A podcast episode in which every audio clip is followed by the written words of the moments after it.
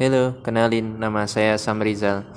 Pada kesempatan kali ini saya ingin menceritakan tentang pengalaman gue menggunakan aplikasi Airbnb.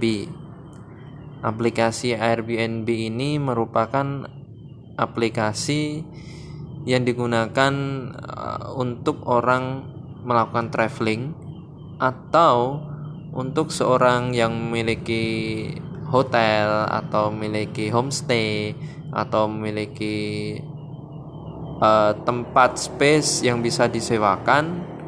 Nah, kita bisa menggunakan aplikasi Airbnb selain kita menggunakan aplikasi Traveloka, kita menggunakan aplikasi booking.com dan lain sebagainya. Nah, aplikasi ini menurut saya lebih worth it karena uh, kita bisa mengatur apa yang kita inginkan, kita mendapatkan pembayaran yang jelas, aman tentunya.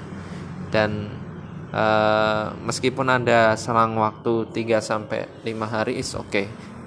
Namun keluar dari aplikasi tersebut uh, mungkin teman-teman bisa menggunakan aplikasi ini untuk meningkatkan lagi penjualan uh, bisnis retail teman-teman.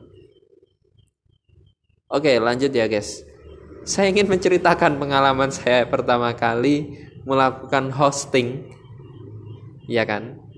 Menggunakan aplikasi Airbnb. Waktu itu namanya Heidi. Saya saya uh, terperangah gitu kan. Namanya Heidi orang Indonesia ini ya. Orang lokal is oke okay, orang lokal gampang lah ngatasinya. Ketika saya cek dia uh, balas pesannya gini Uh, I think uh, your uh, your property is available in some day.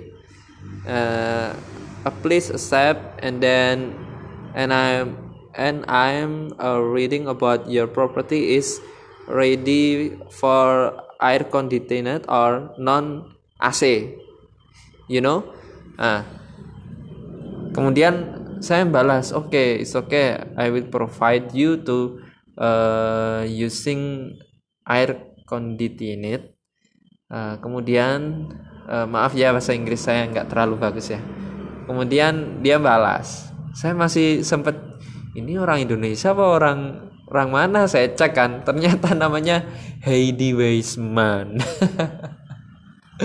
Nah, dia janjinya dia dia dia ngechat saya itu waktu itu jam 8 pagi ya kan. Ya, 8 pagi terus dia itu check in, dia janjinya check in jam sekitar 2 sampai jam 3 lah. Ternyata oh my god.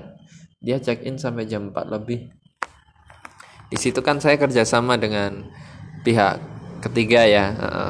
hotelnya pengen dikelola saya bantu marketingnya menggunakan aplikasi ini gitu nanti teman-teman bisa coba. Saya ingin berbagi rezeki berbagi info bagaimana cara teman-teman mau cari rezeki kalau mau ya.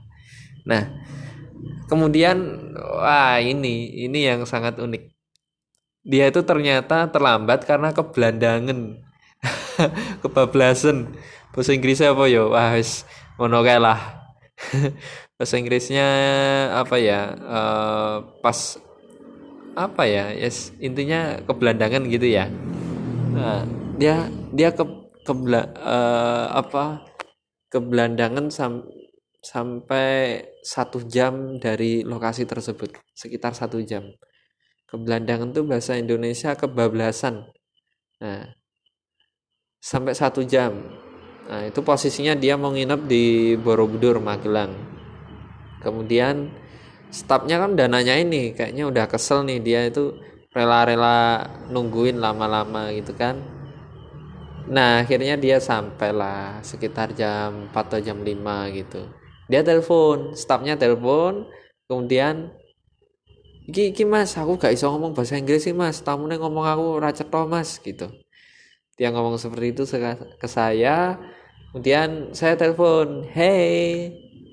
Nah, dia ngomong bla bla bla bla and kayaknya aku nggak mudeng nih. Kayaknya kasihan juga stafnya kemudian aku matiin aku telepon lagi langsung ke nomor dia.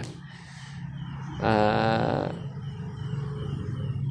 singkat cerita singkat cerita dia tuh ngomong bla bla bla bla. Saya nggak saya nggak terlalu paham. Ternyata tasnya itu ketinggalan di bis. Nah, ketinggalan di bis Damri. Nah usut punya usut uh, ternyata dia itu udah telat. Mungkin dia terburu-buru ya tergesa-gesa terus tasnya ketinggalan. Di situ ada laptop di situ ada apa ya make up. Yang paling penting sih laptop menurutku.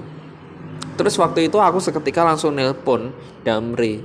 Ini untung ini ketinggalannya di bis Damri supirnya juga baik hati nah akhirnya keesokan harinya aku dapat informasi kalau tasnya udah ada di loket Damri di uh, Perum Damri Jogja. Nah, Perum Damri Jogja itu bangun tapan kalau teman-teman tahu.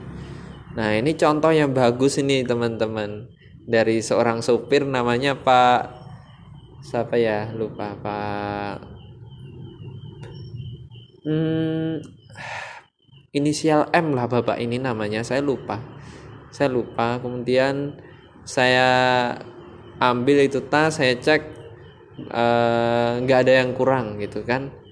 Kemudian uh, saya sudah janjian sama si bule ini. Kebetulan sih waktu saya ke Jogja rumah saya kan di Klaten ya kan. Saya saya sering wirawiri dari apa sering apa wirawiri dari Klaten menuju Jogja. Nah kebetulan saya ngurus akte kelahiran anak saya. Nah, saya juga ke Jogja ada urusan ada urusan untuk ketemu orang. Kebetulan juga ini ngepasi. Saya saya bantuin dan ternyata alhamdulillah isinya nggak ada yang hilang gitu kan. Nah saya anterin ke rumah si cewek ini orang bule ini dia orang Amerika Nah, sampai di lokasi aku ketemuan, dia ngobrol, kita ngobrol, cerita kan capek nih, kepanasan, capek. Kita ngobrol, kita sharing, ternyata dia itu guru, guru bahasa Perancis sama guru sejarah. Nah dia tujuan jalan-jalan ke Indonesia itu juga ada dua tujuan. Dia pengen pengen apa ya lebih dekat dengan sejarah Indonesia, terlebih tentang Borobudur, Prambanan. Karena saya guru sejarah itu lebih bagus bagi saya untuk menjelaskan pada murid saya dengan my experience. Gitu dia bilang. Saya saya sih paham bahasa bahasa dia cuman mungkin logatnya agak agak terlalu susah ya karena dia Amerikanya Amerika di Utah itu loh nah, tapi is uh, I think this is the best moment uh, the best experience for me And harusnya orang Indonesia itu nyontoh Pak supir ini. Banyak kasus barang ketinggalan di bis mungkin nggak bisa terselamatkan guys. Nah ini untung ini di Damri ya milik pemerintah. Coba kalau di bis lain entah gimana nasibnya. Dan uh, terakhir gue cuman ingin sampaikan uh, bantu dukung gue untuk tetap eksis di podcast. Silahkan share ke teman temannya jika cerita ini bermanfaat.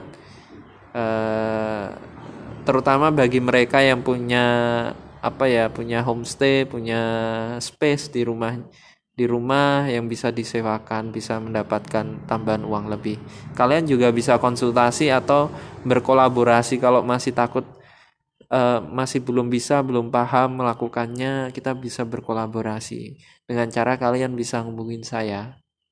Seperti itu ya. Oke, terima kasih. Goodbye.